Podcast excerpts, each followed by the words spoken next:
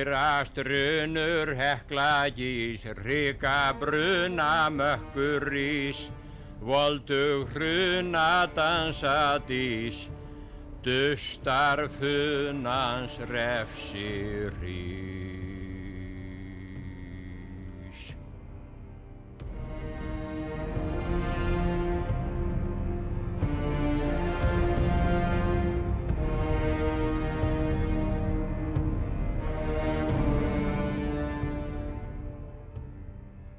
Eldfjöllin hafa rætt og heitlað í margar aldir. Jarðhræringar á borð við jarðskjálta og eldgós hafa fyllt manninum alla tíð. Hugmyndir okkar um orsök eldgósa hafa tekið stakkaskiptum í gegnum aldirnar. Í dag er að öllum líkindum um 20-30 eldgós í gangi, einhver staðar á jörðinni og þannig er það alla daga. Við getum búist við eldvirkni og eldfjalla eigunni Íslandi á fjögura til fimm ára fresti. Rísastort gós í líkingu við skafturelda verður að meðaltali á 500 ára fresti hér á landi. Við erum í miklu návíi við eldfjöll og eldvirkni sem hefur haft mikil áhrif á sögu okkar og menningu.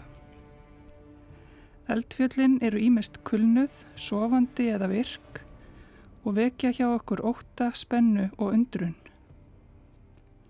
En hefur þetta alltaf verið svona? Höfum við alltaf verið jafn hilluð af eldfjöllum?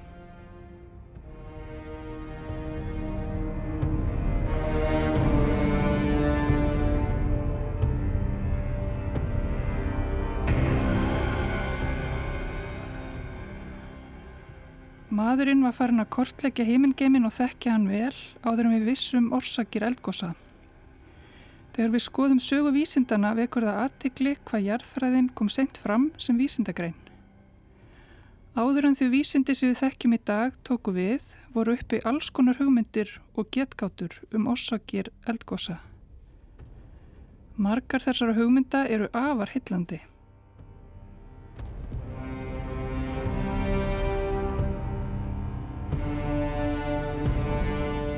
Haraldur Sigursson, eldfjallafræðingur, á að baki langan og farsælan starfsferil þar sem hann hefur rannsakað eldvirkni víða um heim. Árið 1999 gaf hann út rétt um hugmyndasögu eldvirkni sem heitir Melting the Earth – The History of Ideas on Volcanic Eruptions. Á stikkisólmi er hann með eldfjallasafnið þar sem finna má ymsa fágetamunni þar á meðal málverk af eldfjallum steinasapp og fræðslu um eldvirkni Snæfellsnes. Haraldur býr í bandaríkjunum og ég slóa þráðinn til hans til að fræðast betur um hugmyndasögu eldfjalla. Ég spurði hann hvaða eldgós á sögulegum tíma honum þykir markverðast. Já, ég verð nú að segja það að hérna þó ég hafa nú unni mest, eða mikið við gósið á, á Vesuvíusi sem var 79 eftir Krist, 24. ágúst, 79 eftir Krist, þá var það, það frækt gósa vegna þess að það eitti borginni Pompeii og líka borginni Herculaneum og ég vann þarna í mörg ár við rannsóknir og uppgröft á, á þessum borgum. En, en þetta var, uh, var stórgós en ekki ekki mikið í samburði við það sem góð sem ég hef rannsaka hvað mest og það er góðsið á Tambora eldfjalli í Indonésiu svona hínum einu hnettinum og það góðs er það stærsta sem hefur orðið ájörðinni á sögulegum tíma. Og uh, það fjall hef ég rannsaka mikið en, en það er líka erfiðasta fjalli sem ég hef unnið á. Það er mjög afskjækt og mjög hátt og, og erfitt í alla staði að eiga við það. En það er spennandi verkefni. Hvernig hefur afstæða mannsins til eldfjalla breyst í gegnum tíðina? Já, við sem að búum með eldfjallasvæðum höfum náttúrulega lengi velt því fyrir okkur hvað er, hvað er að gerast í jörðinni þegar að, að hún springur upp og ripnar og, og gís og Íslendingar hafa orðið fyrir barðin á þessu meira en flestir aðrir en það eru ímins annars svæð á jörðinni þar sem að menn eru í nánuð sambandi við eldfjallin og það ber fyrst að, að nefna Ítalíu sérstaklega á svæðinu í Napoli eða þarna í grænt við Vesuvius og reyndar já, út um allan heim í Afríku og annar staðar þá er, er mennað er, er mennað berjast við eldfjöldin og, og áhrif þeirra sum slæm og annar góð. Og uh, ég er nú verið við, við störf sem eldfjallafræðingur frá því 1960 eða 62 og en hérna fór slemma að hafa áhuga á sögunni svona hvernig jarðsagan og mannkinsagan eru tengt og, og hvernig menn fór að velta fyrir sér hver voru orsök eldvirkni sem sagt. Það kemur náttúrulega mjög snemma fram í, í, í öllum, öllum svið menningarinnar. Það, menn, hafa, menn eru forvittnur um þetta.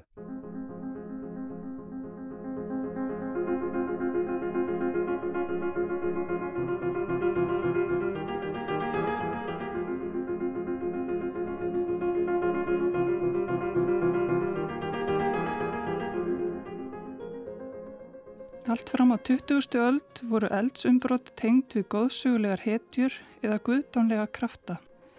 Hið illa tengist yfirleitt eldgósum og í eldfjöllum var talin búa andi eða persona sem í reyði sinni spýr eldi. Einstök eldfjöll, eins og til dæmis hekla, voru talin ingangur að helviti.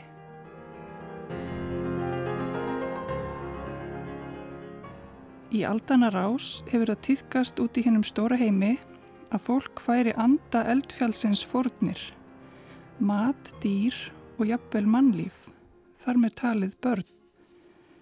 Til dæmis færðu mæjar, astekar og yngar eldfjöllum mannfórnir og þar til nýlega færðu íbúar Java í Indonésiu eldfjallinu Bromo mannfórnir. Þegar eldfjallið etna gís leita íbúarnir enn til Guðs og taka fram blæju heilarar akötu til að stöðva hraunflæðið. Víða er minnst á eldsumbrott í grískri goðafræði. Þau eru talin af völdum títana eða risa sem fastir væri í jörðinni og hreyfðu sig þar. Títanir berðust við Guðina og það ylli ösla. Nokkrir grískir guðir tengjast elgósum og má þar nefna Plútó, Persefónu, Vulkan og skrimslið Tífón. Í grískri goðafræði var dauðaríkinu Hadesi líst sem heitum stað djúft í jörðu þar sem Plútó, einni kallaður Hades, réð ríkjum á samt eiginkonu sinni Persefónu.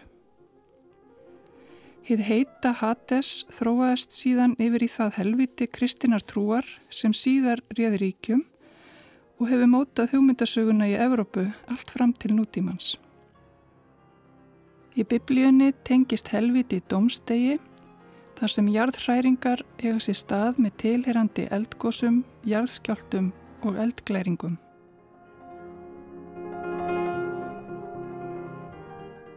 Hjá tóla í fólkinu í Papua Nýju Genju býr andin Kaja í eldfjöllum og þar er talað um eldgós sem sprengingu andans. Í japanskum góðsögum er það skrimslið Óni sem veldur eldgósum en hann er sagður rauður og hirndur, hann býr í eldfjöllum og kastar úr þeim steinum þegar gís.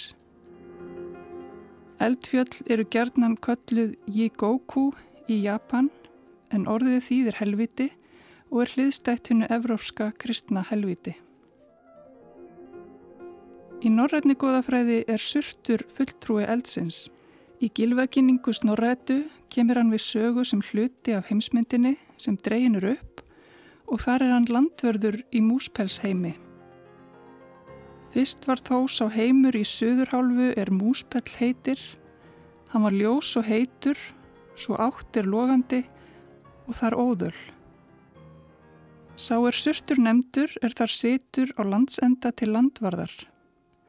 Hann hefur logandi sverð og í enda veraldar mun hann fara og herja og sigra öll goðinn og brenna allan heim með eldi.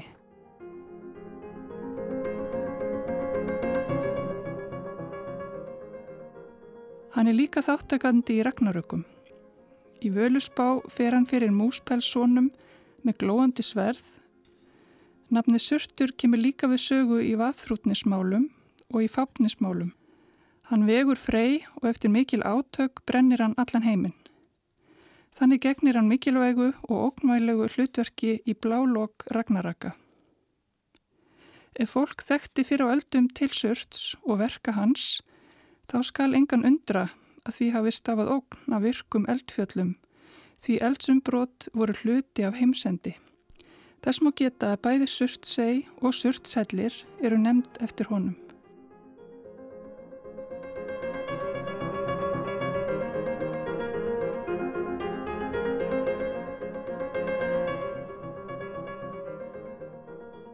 Heimsbyggingurinn Aristoteles fjallaði um vindana í reyti sínu Meteorologika og um Ímis fyrirbæri náttúrunnar í öðru reyti De Mundo.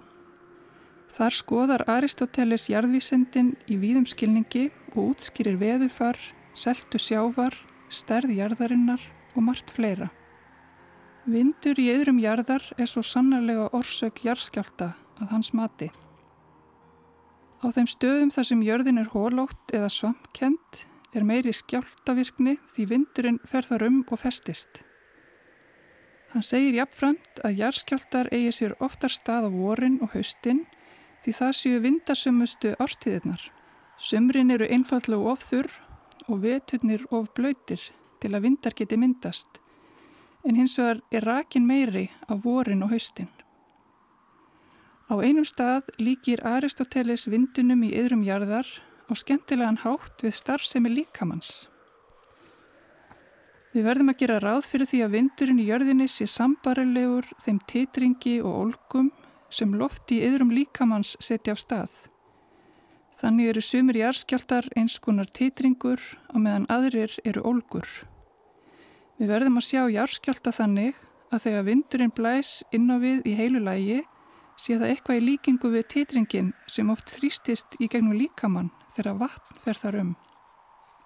Hann segir að vindurinn orsaki ekki bara jarðskjálta, heldur líka eldgós. Forngrekkir þeir voru, þeir hafðu hugmyndir og, og þegar þú sérð eldgós úr fjaska að þá er það eins og að sé bara bladra sem er, sem er komið gata á og það ríkur út úr henni einhver ósköp af efni og, og það er eins og komið vindur út, út úr jörðinni. Og þetta var kenning Aristotelesar og forgreikja að, eldgóðsinn væri vindur sem að brítist út úr jörðinni. Og þar á meðal eh, og þetta gerist ofta á, á, á eigum sem, heita, sem er nefndu vindegjar eða Aeolian Islands. Aeolius er, er guð vindsins og þetta eru eigarnar sem eru undan Sikilin, fyrir norðan Sikilin að milli Ítali og Sikiliðar eh, Stromboli og, og, og Vulcano og Lipari og, og svo, svo fleiri eigar sem að og þegar, þegar það gjósa þá er eins og kom bara vindur út í jörðinni, það kemur strókur upp. Og það var mjög lógist hjá Aristóteles að þetta var upprunni vindsins. Vindurinn kemur innan úr jörðinni. Þetta var ekki svo vittlust en það er náttúrulega ekki rétt af því að það vandaði hitan og þá sagði einhver, já, akkur er, akkur er svo mikill hiti og þá sagði hann, já, það vegna þess að það er svo mikill núningur þegar að vindurinn kemur út úr lítið gata það er svo mikill núningur og það myndast hiti sem er alveg rétt. En þetta er náttúrulega ekki rétt að skýringin, heldur við vitum við að, að uh, eldgóðsverða vegna þess að það brýst út kvika eða bráðið berg sem að kemur út úr jörðinni af, af miklu dýpi. Hinn rómverski Lucretius minnist á vindana í sex bóka ljóðabálki sínum De Rerum Natura. Í ljóðinu fjallar hann um náttúruna í öllu síni veldi. Sjötta bók ljóðabálksins fjallar um jarðskjálta og eldgós en samkvæmt Lucretiusi geisa miklir vindar í henni hólóttu jörð.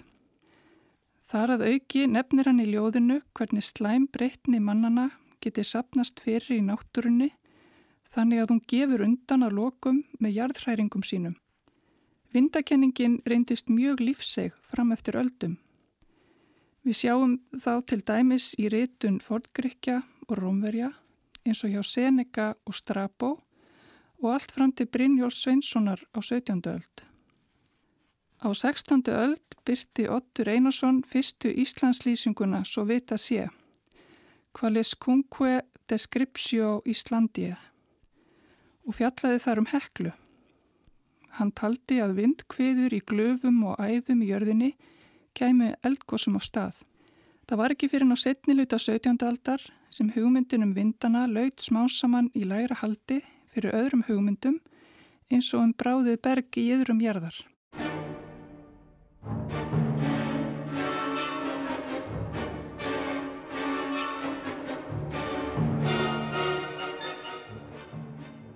Konungsskuggsjá er nost rétt frá 13. öld sem byggir á samtali föður og sonar. Þar fræðir fadir svonsinn um helstu fyrirbæri náttúrunar, þar á meðal um eldgós. Fadirinn útskýrir náttúruleg orsök eldgósa og segir að umbroti vindsins skýri bæði landskjálta og eldgós. Samkant föðurnum eru píslastaðir í eldfjöllum og víðar. Eldarnir í íslenskum eldfjöllum eru af öðrum toga en þeir sem brenna í Sikilei. Eldarnir í Sikilei draga til sín og nærast á trjám og jörðu, en eldarnir á Íslandi brenna ekki tré en bræða steina og berg eins og vaks. Fadurinn drefur það álugtun að það sem þessir eldur brennir ekki lifandi hluti heldur dauða, þá sé hann í sjálfu sér dauður. Og er hann til þess líkastur að hann sé helvítis eldur, því að þar eru allir hlutir dauðir.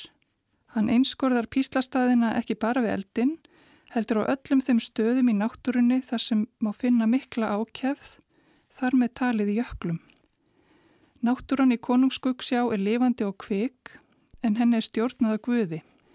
Það er ógnir sem byrtast mönnunum í jarðhræringum eru sínusort af því sem koma skal ef þeir lenda í helviti. Djöfillin framkvamir bara það sem Guð hefur veitt honum leifi til. Þannig notar Guð eldgós, jarðskjálta og fleira til eilífrar áminningar um syndina og ömurleika helvitis.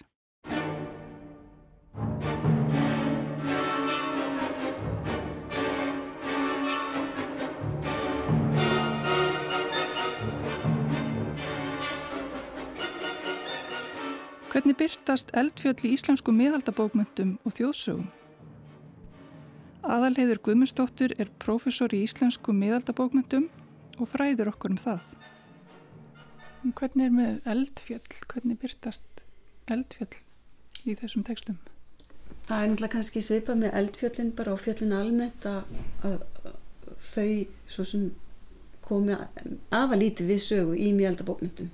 Það er þetta minnst á hvernig kannski kemur fram einhvers konar þjóðtrú hvernig raun var til og, og einhvað slíkt sko. En ef við viljum fá heimildur um eldfjöldina þá þá er eiginlega vænlega að líta til dæmis á annála eða, eða, eða einhvers, einhverja slíka sagfræði heldur en sögurnar beinlinis og mjög oft í annálum þá bara getur um gós á hvernig ári og ekkert meira um það. Uh, Það eru til aðeins fyllri lýsingar eins og til dæmis í Flategar annál frá 1341 að það segir að, að Hekla hafi gósið um vorið og að hún hafi lagt nálega fimm reppi í eyði vegna öskufalls. Og það er sagt að 80, um 80 nautgripir hafi átt að hafa fallið bara í skálholti.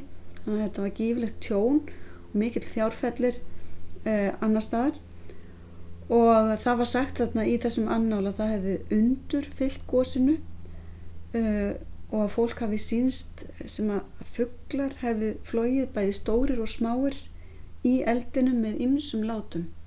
Og þetta, þetta tengist uh, þjóðsögum sem við þekkjum um það að hekla uh, uh, hekla hafi verið jafnvel ingangur að helviti en það er svona helst hekla sem að tengist þjóðtrú með svo sterkum hætti og, og fugglarnir sem átt að flóiðum í, í eldsumbrotunum tengist þessu og ég þekki ekki sambælega sagnir af öðrum eldfjöldum. Í íslensku miðaldarittum er eitt dróttkvæði sem lýsir beint eldsumbrotum en það er Hallmundarkviða. Kviðan er skráð í Íslandingaþáttin Bergbúaþátt. Hún er talin lýsa því gósi sem myndaði Hallmundarraun en það rann úr langjökli á tíundu öld. Kviðan lýsir viðhóri manna til eldsumbrota og setur þau í góðsögulegt samhengi. Þar er aðdraganda gossins lýst, framvindu þess og afleiðingum.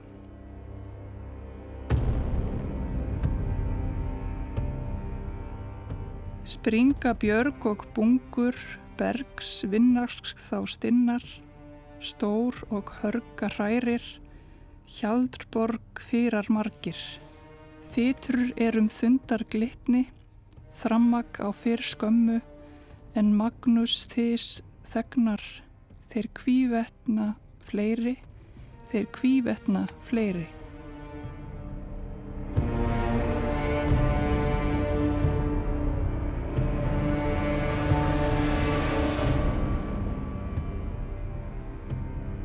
Stuttum teksta fyrir og eftir kviðuna kemur fram að Þóruður nokkur gekk um með húskarli sínum og þeir festust í ókunnum helli yfir nótt. Mörg kristin minni koma fram. Þóruður setur upp kross, þeir signa sig í bak og fyrir og verjast þannig hennu illa sem býr í náttúrunni. Síðan heyra þeir þrísvarsinnum yfir nóttina kveðið með ógurulegri raustu, drótt hvæða kveðu í tólf erendum þar sem síðasta vísu orðið er tvítekið. Eftir nóttina komast þeir heim en þeir finna hellin aldrei aftur.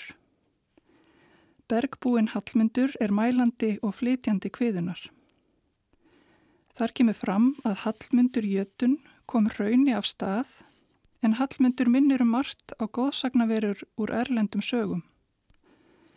Í fyrirluta sjönda erindis stýgur hann fjall af fjalli og það minnir óneitanlega á góðsagnaveruna Pele frá Hawaii sem kemur eldgósum af stað með því að stappa niður fótum.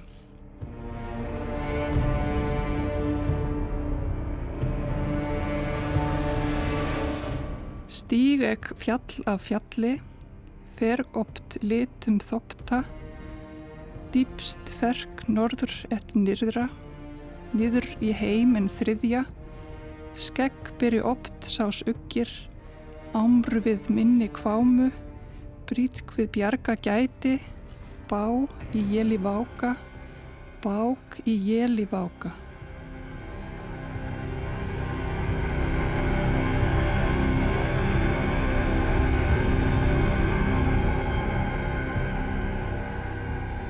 Hviðan eru margt merkileg en það elsta innlenda lýsingin á eldgósi sem til er. Björgin falla, bergið springur og jöklar brenna. Tveir menningarheimar mætast, hinn heiðni og hinn kristni. Hallmundur tilirir hinn um heiðna heimi og því þetta tólka þáttinn þannig að jarðhræringar tilheyri heiðnum öllum. Hinn kristni þórður og húskarl hans verða hins vegar vittni að heiðnum öllum og taka við skilabóðum þeirra. Það er mjög algengt að sjá átök á milli heiðni og kristni, góðs og íls þegar kemur að eldgósum. Frægasta dæmið þekkja margir og tilirir kristnitökunni.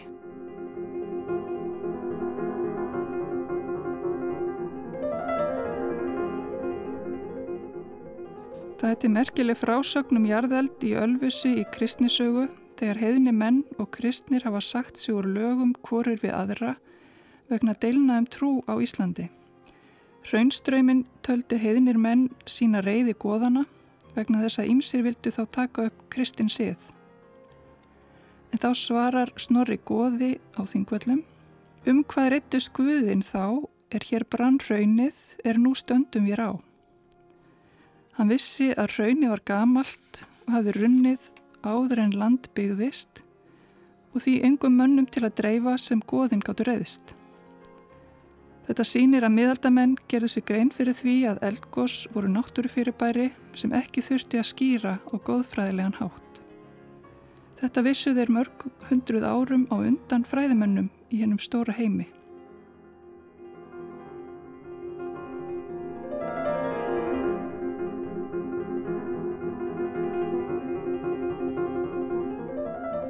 Eldfjalli Katla er eitt farra eldfjalla á Íslandi sem tengist þjóðsagnapersonu. Katla fær napsitt úr þjóðsegunni um matseljuna Köllu sem starfaði á Þykvabæjarklustri. Hún átti buksur sem gáði henni kraft til að hlaupa endalaust og enginn mátti snerta við þeim. Smalamaður stalst hins vegar í þær og það varð hans bani.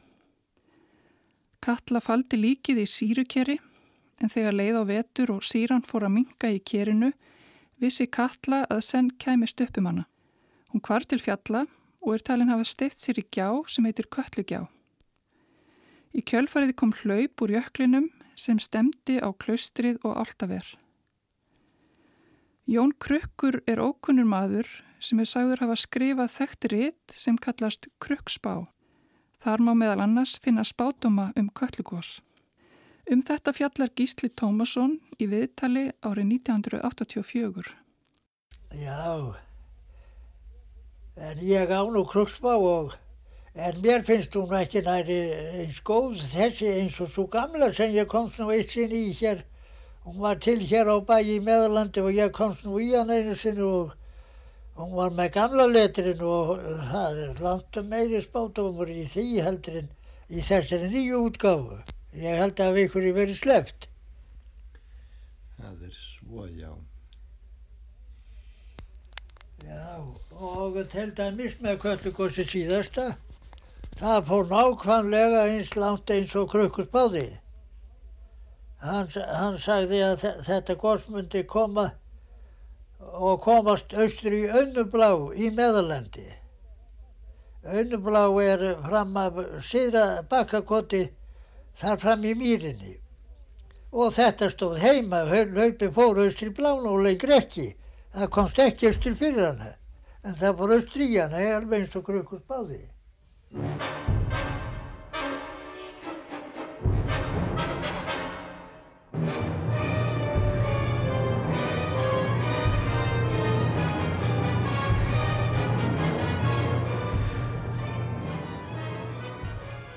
Lengi vel trúði menn því að í eldfjallinu Heklu var í ingangur helvítis.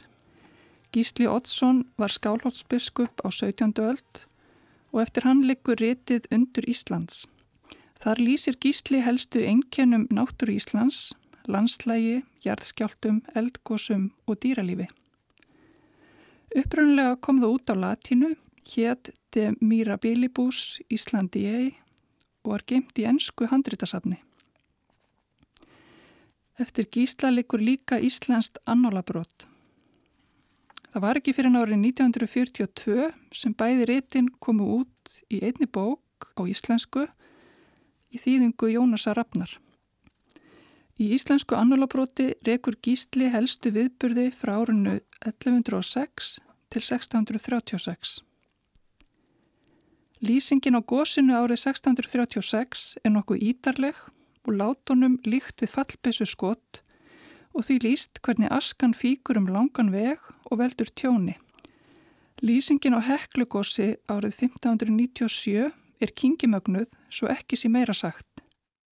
Gísli vittnar í orð sér á Odds Oddssonar sem aftur vittnar í orð Brynjólfs nokkurs sem sá yfir heklufjalli. Meðal glóandi natta sem þeittust upp í loftið eins og vand var, hvaðan eitt kvöld eitthvert svart flikki, eins og stóran klett hafa brotist upp úr fjallstindunum, feist upp eftir eldin og mökkin og virst ummyndast í kvalslíki haus og fremri bæksli sáust greinilega. Ferliki þetta barst hægt í loftinu til Tindafjalls sem er nálat fljótslið. En þegar það nálgæðist fjall þetta, sást að breytast í drekalíki, staðnamast þannig yfir fjallinu og breytast í ringlega mynd. Íslandslýsingar erlendra ferðamanna frá 16. til 18. öld nefna margar heklu og tengja hana við ingang helvitis. Íslandingar brúðust ókvaða við og settust niður til að skrifa leiðréttar lýsingar af landinu og rauktu kenningarnar um helviti. Á sama tíma og menn trúði á tilvist skrimsla og undarlegra fyrirbæra rauktu þeir fullum hálsi kenninguna um helviti í heklu. Hvað skýrir þessi viðbröð? Af hverju mátti helviti ekki vera í heklu? Því er erfitt að svara en kannski er eina á mörgum skýringum svo að enginn vill hafa helviti í bakgarðinum hjá sér.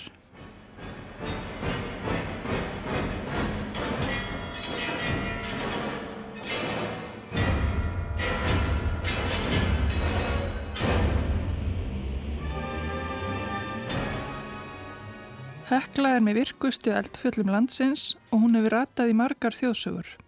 Til dæmis er til sögnum fjárhyrði sem að bjó á bæ í nákvæmni við Heklu. Og hann sagðist að tekið eftir því að huldufólk hefði verið að flytja sig um sett og stuttu síðar þá byrjaði að hekla gjósa. Og fólkið á þessum bæ það bjargaðist allt vegna þess að það leita á þennan flutning eh, huldufólksins sem fyrirbóða og yfirgaf bæin í tæka tíð. Og eh, svona fyrirbóðar eldgósa voru samt ekkert alltaf einhver svona yfirnáttulegir til dæmis þegar hekla gauðs 1845 að þá segir að fólk í nákvæmlega hafi fundið brennisteinslikt og hérna svona nokkur áður en gósi hófst. Og þá fer það að líta um eftir öðrum ummerkjum og sér að snjórin á fjallinu fer líka minkandi og svo koma fréttir um það að vatni nærlikjandi ám sé svona heitar en vanalega þannig að fólk auðvitað var vandi að, að vera vart um náttúruna. Oftar en ekki reynir fólk að hafa áhrif á framgang eldgosa. Það er algengt að sjá sögur af prestum sem fá guðlegan mátt í lið með sér með góðum árangri. Það var hérna auðvitað mikilvægt að fólk fyldist verið með eh, svona mögulegum eldsumbrotum en það er líka til sagnir að, að fólk hafi beinleins reynd að hafa áhrif á náttúruna og það eru svolítið skemmtilegar. Eh, í einu til dæmis að mörgum heklugósum að þá blés vindurinn þykku öskuskíi til vestus og lagði þá nokkra bæi í eyði. Og þegar presturinn sá þetta þá læst hann sig inn í kirkjunni.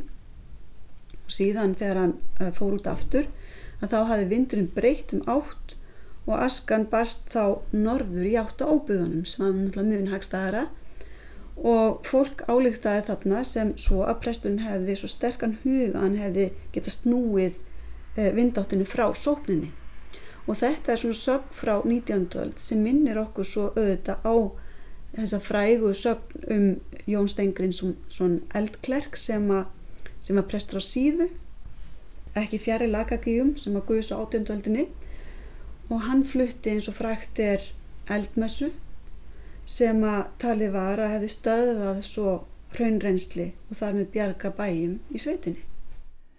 Þegar litið er yfir heiminn allan er algengt að fólk sem býr nálagt eldfjöllum hafi ákveði ritual, trú og dulhyggju þar sem það reynir að hafa áhrif á þróun eldvirkninnar. Við verðumst ekki hafa svona lagað á Íslandi. Hver geti verið skýringin á því? Já, Íslandingar eru bara mjög reynsægir. Það er snærindi lífsins og þetta daglega brauð og, og hérna eldfjöllin og eldgósin eru algeng fyrirbæri og þannig að það er, uh, náttúrulega voru menn hrættir við fjöllin og óttuðu stauð, það var ekki gengið á heklu fyrir 1750 og þannig, og þannig að menn voru, uh, það, það var bara ótti og það endaði engin ástæð til að fara upp á fjöll til að rannsaka það, það var engin bóndið sem að, að slíta skónum í það. Hérna, en, uh, en í öðrum löndum að þá horfir þetta öðru sem við og jáfnveil til dæmis að í samveit við Vesuvius á Ítalju að þar voru alltaf fornir öru koru upp á fjallinu og, og þar voru helgaðar samt í janúariusi sem var, sem var dýrlingur þeirra í Napoliborg og þeir hafði fornir til að, til að róa goðin. En, uh, en Íslandingar hafa alltaf verið mjög raunsæri þessum málum en það, já, ekki, ekki verið mikið að þvælast í trúabröðunum.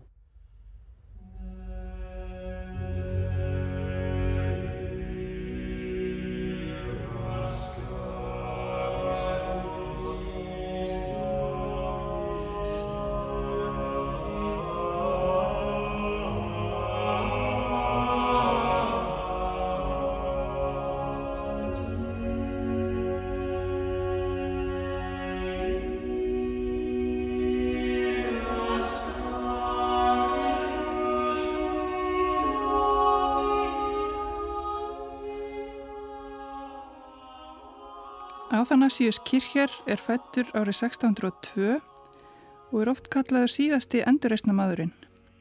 Hann var þýskur jesuíti og afkasta mikill könnuður sem hefði áhuga á öllu milli heimins og jarðar. Kircher flúði heimaland sitt í 30 ára stríðinu og ferðaðist víða á vegum katholsku kirkunar. Hann varð vittni að jarðskjáltum á Ítalju árið 1636 og lagðist í rannsóknarvinnu til að skilja þá og eldsumbrott almennt. Með leiðsögumann sér við hlið kleifan Vesuvius og segi niður í gíin til að komast eins nálagt eldsumbrottum og hægt var. Það er líklegt að Kircher hafa á ferðum sínum séð fleiri eldfjöll en nokkur samtímamann hans. Þekktasta verk hans fjallar innmitt um jörðina og undirdjúp hennar. Árið 1665 gaf Kircher út yfirgrifsmikið rétt sem kallast Mundus Subterranus. Það var síðan árið 1699 sem ensk þýðing kom út í London undir heitinu The Volcanoes or Burning and Fire Vomiting Mountains Famous in the World. Rítið vakti strax mikla aðtikli og ræðir menn í Evrópu vildi Olmir komast í tæri við það. Þeirra á meðal Benedikt Spinoza og John Locke. Í rítinu sínir Kircher sneiðmynd af bæði etnu og vesuvísi. Einnig fjallar hann um og teiknur upp steingerfinga og ímislegt annað eins og hérna tíndu eigu Atlantis, risa, drega og ýmsar uppfinningar. Kircher tók eftir ummælum námumanna um að jörðin var í heitari því dýbra sem aðeð færi. Hann komið á kenningu í þriðja hluta bókarinnar, Pyrologus, að í miðju jarðar var í mikill og eilífur eldur. Út frá þessum eldi í kjarnanum lægu göng, Pyragógi, um alla jörðina þar sem eldurinn færi upp á yfirborðið í gegnum eldfjöll og göfukveri. Að mati Kirchers voru eftirfarandi fjórar megin orsakir fyrir jarðeldinum, eldurinn sjálfur, Ímis eldfim efni úr sjónum, vindar og að lokum loftop sem virkuði eins og túður eða stútar á físibelg. Kircher tengdi sprengiljóðin í eldfjöllum við fallbessu skott. Það var til þess að hann bætti því við að sprenging yrði í yðrum jarðar þegar súlfúr og nitur blandaðist saman. Kircher hafði sjálfur heimsótt etnu, stromboli og vesivíus og fjallar því mikið um eldfjöll. Hann setti saman lista yfir eldvirkni þessara fjalla, auk þess sem hann síndi öll virk eldfjöll heimsins á einu korti. Þetta kort reyndist ekki réttu öllu leiti en sínir hins vegar viðleikni hans til að fanga allan heiminn og gefa hilstaða mynd af eldfjöllum. Ekkert undir sólinni var Kircher óviðkomandi og hann var ekki óskeikull í niðurstöðum sínum. Hann formælti alkemíu en á sama tíma trúði hann á tilvist drega og leitaðist við að flokka þá út frá fjölda gatta á bakinu. Hann tók þátt í þróun smásjárinnar og hafði miklar mætur á Hermesi Trismegistus og vittnaði víða í hermetisma. Kircher hafði einni mikla mætur á kabbalisma og vildi meina að hebreska stafróið byggi yfir dullrænum krafti og hafi jafnvel að hluta til verið partur af hennu alþjóðlega tungumáli sem notað var á þeirum Babelsturnin hrundi. Eitt af hans helstu afröggum er að hann sá að bakterjur gáttu komið af stað pláum og hann vildi meina að bakterjur hefðu svip mot orma en um þetta fjallaði hann í reyti sínu Scrutinium pestis.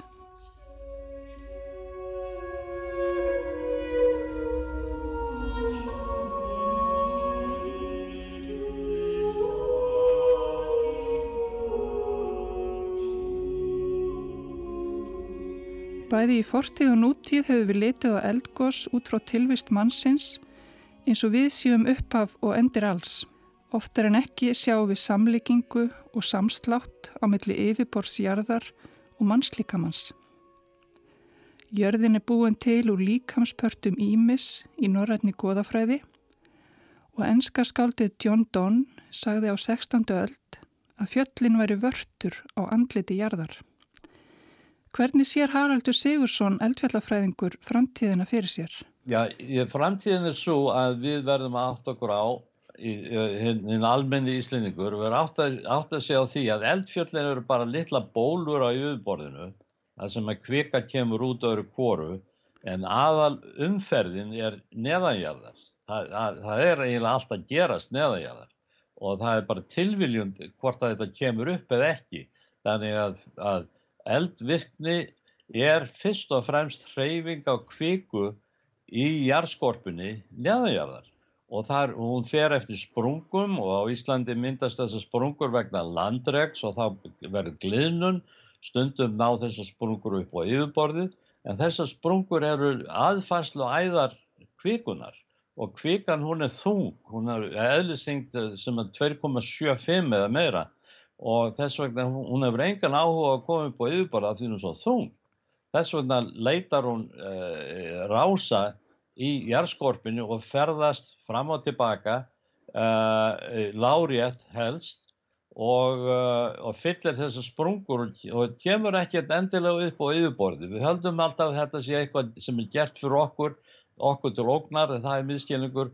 Þetta er bara kvikur hreyfingar sem, og, og mikið af, af meiri hlutin af öllum jarðskorpu hreyfingum á Íslandu eru kvikur hreyfingar sem aldrei kom upp á yfirborði og mynda aldrei gós. Mart hefur breyst með tilkomi fjölmila. Við þurfum ekki lengur að sjá fyrir okkur eldgósinn og fréttum ekki af þeim þegar þau eru laungu yfirstaðin. Núna fáum við þau beint í æð í beintni útsendingu. Við getum fylst með jærskjáltamælum veðustofunar og vefnum allan ossins ring. Á samfélagsmiðlum eru fjölmarkir áhugahópar um jærfræði sem deila vangaveltum sínum. Við hlaupum ekki í burtu frá eldgósum, heldur hlaupum við í áttina til þeirra. Mér finnst að, að eldvirkni, eldgóð séu einhver eh, stórfenglegasti atbyrði sem að, maður getur séð og það er mikil spenna og mikil óvissa og, eh, og þetta bara dregur mannin að eins og, og, og flugan flýr í, í, í kertaljósið. Uh, ég, ég gleymi því aldrei að þessum fyrstu góðsum sem ég sá sem barna þau eru alveg stórkostleg Uh, og lifa í minningu minni og mér finnst það synd að vera hindrað að reyna að koma í vekk fyrir að fólk fá að sjá, sjá gós.